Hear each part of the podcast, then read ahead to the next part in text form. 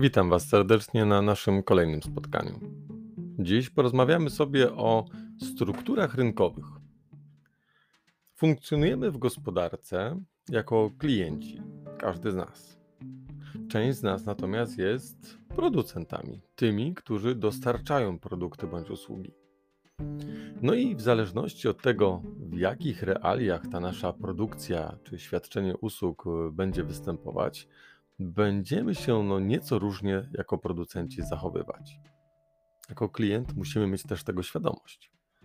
Wyróżniamy cztery struktury rynkowe. Jest to przede wszystkim konkurencja doskonała. Coś, czego pewnie chcielibyśmy wszyscy zawsze doświadczać. Mamy także konkurencję monopolistyczną. Jest oligopol oraz monopol. Myślę, że z tych wszystkich czterech pojęć to ten monopol jest y, najbardziej kojarzony przez ludzi. No, chciałbym każdą z nich y, krótko omówić i, i zobaczymy, czym się one różnią, tak, żeby zobaczyć, dlaczego przedsiębiorcy inaczej się zachowują no, w swojej strukturze rynkowej funkcjonując. Monopol. Zacznijmy od tej wymienionej jako ostatniej. Monopol. To jest taka sytuacja na rynku, w której, taka struktura rynkowa, w której występuje jeden producent Jeden bądź zdecydowanie, ale no mono znaczy jeden. Czyli sytuacja na przykład, gdy mamy tylko i wyłącznie jednego producenta, jednego świadczeniodawcę danej usługi, jednego producenta produktu. No do 2012 roku takim monopolistą na rynku była Poczta Polska. Ta, która jako jedyna miała prawo przesyłać przesyłki do 50 gram, zdaje się, i Poczta Polska była jedynym źródłem, przez które można to było zrobić. No, co to powoduje, że na rynku jest jeden, jedyny producent, czyli jest monopol? Taki producent ma bardzo duży wpływ na cenę. On zasadniczo decyduje o poziomie cen. Nie mamy innego producenta, który mógłby to samo świadczyć, żeby mogli między sobą konkurować. W związku z tym ten producent w sumie rządzi rynkiem, decyduje jak jest. Skoro jest sam jeden, jedyny, nie ma innych produktów, innych e, kompatybilnych tutaj usług, którymi można by zastępować jego produkty bądź usługi, to ta jakość produktów może być kiepska. No i e, w związku z tym, skoro na całej gospodarce, w całym państwie występuje tylko ten jeden podmiot, to pytanie, dlaczego nie ma kolejnych? Hmm, no może dlatego, że są bardzo duże koszty związane z wejściem na taki rynek. No wyobraźmy sobie, że ja chciałbym założyć sobie teraz Poczta Polska 2. No, mamy w tej chwili firmy, weszły firmy nowe na rynek, które stanowią konkurencję, ale zobaczcie, że w każdej gminie, w każdym powiecie muszę mieć swoje oddziały ile to wymaga ode mnie kapitału, aby zorganizować sieć dystrybucji, rozwożenia tych przesyłek. No, firmy kurierskie teraz tutaj bardzo ostro weszły, ale to są przesyłki paczkowe, e, niekoniecznie te, te drobne, te, te, te lekkie przesyłki typu listy.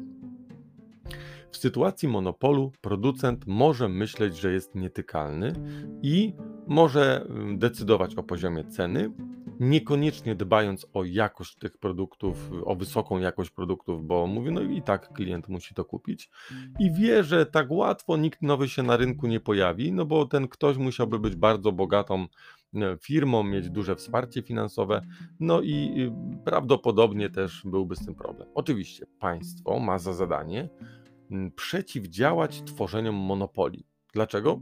No bo dla klientów sytuacja monopolu jest niekorzystna bo będzie drogo płacił za produkt przeciętnej jakości.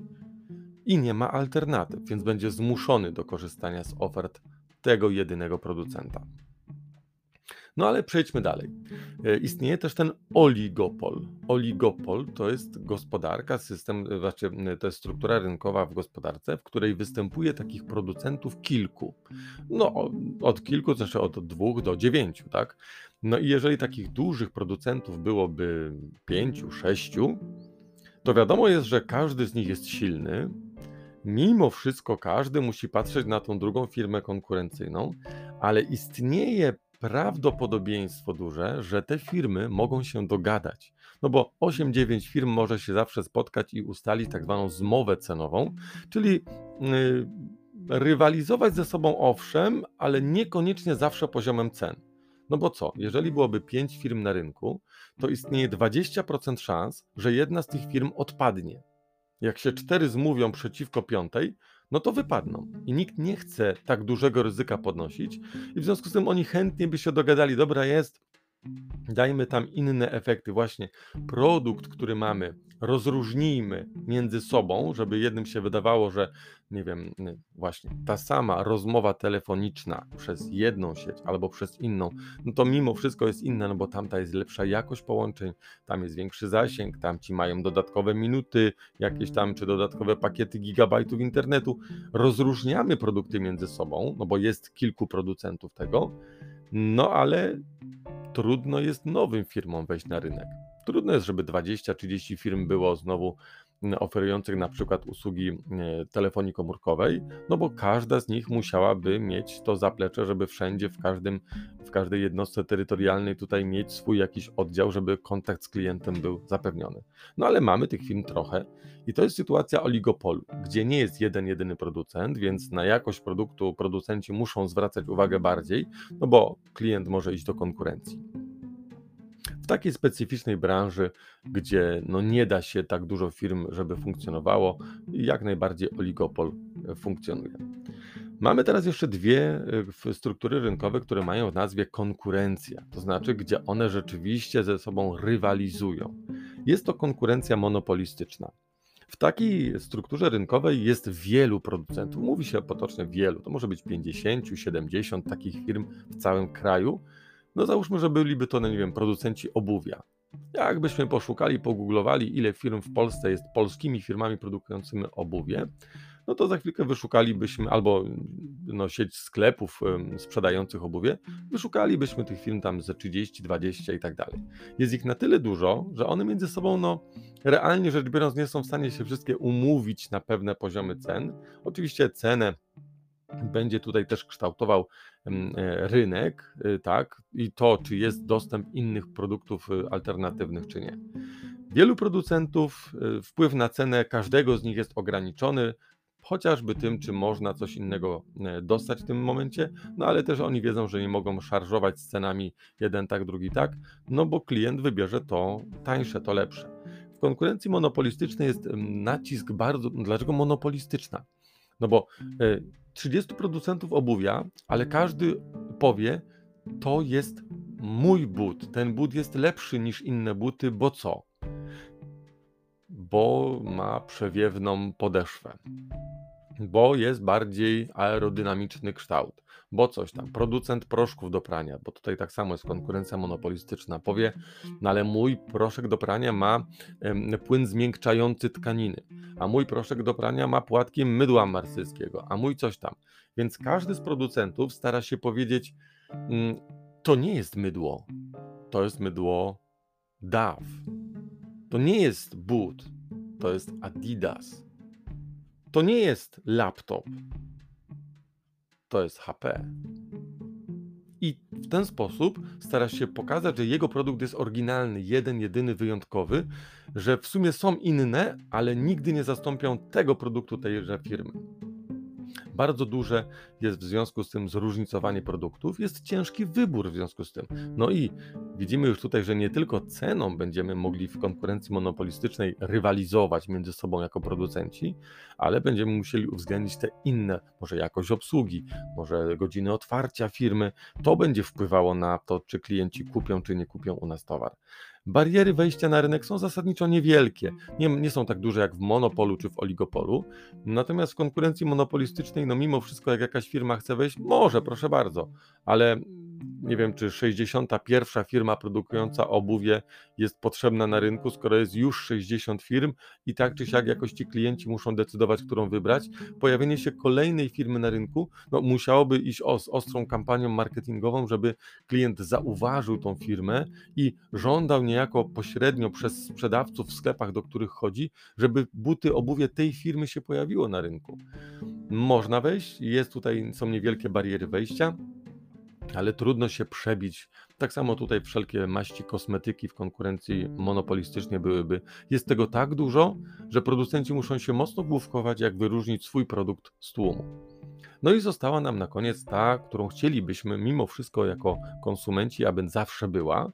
Producent pewnie wolałby być monopolistą, bo miałby święty spokój, nie martwiłby się o konkurencję, mógłby wyluzować, ale nam by to się nie, nie podobało jako konsumentom. Natomiast nas interesuje jako konsumentów istnienie konkurencji doskonałej. To znaczy, żeby było tak dużo producentów, żeby każdy z nich w cudzysłowie no, bał się o to, czy jego produkty zejdą, czy, czy klient kupi akurat jego produkty, czy nie. Jest bardzo dużo firm na rynku produkujących to. One są niezależne od siebie. No nie wiem, popatrzmy, no chociażby w Polsce jest ponad milion gospodarstw rolnych. Jeżeli ktoś chciałby kupić sobie worek ziemniaków, to teoretycznie może się skontaktować, no powiedzmy, nie wiem, 800-900 tysięcy rolników te ziemniaki będzie miało w takiej niewielkiej na przykład ilości, to może do nich sobie zadzwonić. No i skoro jest tak dużo tych firm, to żadna z tych firm realnie rzecz biorąc, no nie ma wpływu na cenę produktu. No bo co z tego, że 20, 30 albo 2000 rolników obniży cenę ziemniaków, jak pozostali trzymają tą samą cenę i ona na rynku będzie się kształtowała właśnie jakoś tam wypadowo jako średnia. To rynek ustali cenę produktu. To, to, czy klienci zaakceptują ten poziom cen, czy też nie. A jakie tutaj jest zróżnicowanie produktów w konkurencji doskonałej? No w sumie zasadnicze tego zróżnicowania nie ma. No bo produkt jest ten sam. Ziemniak to ziemniak. Ok, ziemniak odmiany wineta, no to ziemniak odmiany wineta. I inny rolnik robiąc tą samą odmianę ziemniaka, robi w sumie to samo. No ok, można posortować wielkością te, tych ziemniaków, inne kalibry, klasy, jakości, coś, ale to jest zasadniczo to samo. Więc nie ma sensu wyróżniać się, że moje ziemniaki są lepsze niż inne ziemniaki innego producenta, pomimo tego, że są tej samej odmiany. Okej, okay, tu można jeszcze wejść w kwestię ekologii i że po prostu bez oprysków, bez czegoś, to może mieć znaczenie dla klientów, ale nie pokazujemy różnorodności produktów, że one są wyróżnione, jak w konkurencji monopolistycznej, tylko po prostu mówimy, no ziemniaki, panie, bierze ziemniaki, jest to. I teraz my musimy dbać tutaj przede wszystkim o to, żeby ta cena była zaakceptowana przez rynek, czyli żeby nie była ona zbyt wysoka.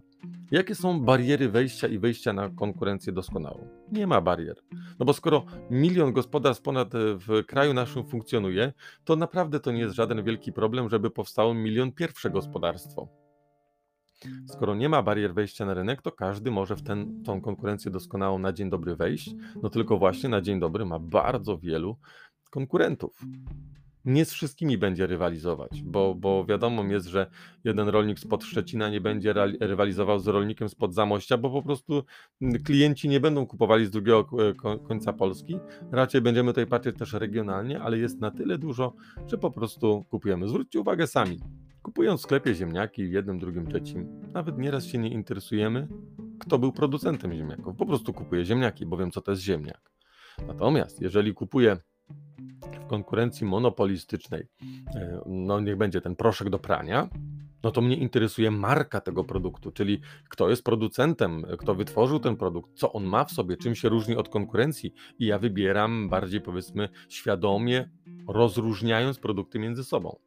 W oligopolu mój wybór jako klienta jest zawężony do kilku firm. No i niby łatwiej byłoby wybrać, ale skoro miałbym założyć sobie, nie wiem, kupić telefon w abonamencie, no i miałbym podjąć decyzję, do której z tych firm, no to proszę zwrócić uwagę, że przeanalizuję każdą z tych ofert, tych firm, żeby wybrać najlepszą, bo nawet do dziewięciu różnych firm jestem w stanie iść, porozmawiać, podjąć decyzję po takim jednym czy dwu, dwóch dniach wizyt u tych konkurentów. Natomiast w konkurencji monopolistycznej tego nie będę w stanie zrobić, więc po prostu wybieram, ja już w głowie mam jakąś z firm, którą chciałbym kupić, no bo reklama zasugerowała. W sytuacji monopolu tu nie ma mowy ze strony klienta o żadnym wyborze, po prostu bierze to, co jest. Ktoś powie zło konieczne, inny powie, no, no cieszmy się, że cokolwiek mamy. Y, Państwo ma za zadanie przeciwdziałać monopolom. Jest e, ustawa o ochronie konkurencji konsumentów, Urząd Ochrony Konkurencji Konsumentów, który mówi o tym, żeby no jednak była konkurencja na rynku, bo te struktury, które w, wymuszają rywalizację między producentami o klienta, powodują, że dla klienta będzie atrakcyjniejsza cena, no i lepsza jakość produktu, więcej gratisów dodatkowa, to jest to, co często ludzie chcą. Dobrze, już 15 minut prawie naszego nagrania jest, w takim razie nie przedłużam Wam, dziękuję serdecznie za uwagę, no i do usłyszenia kiedy? Następnym razem. Zachęcam także do korzystania z serwisu Patronite, do wspierania y, mojego podcastu, ale także wszystkich innych y, twórców na tym portalu. Dzięki temu stajemy się lepsi, ciekawsi i fajniejsi. Do usłyszenia.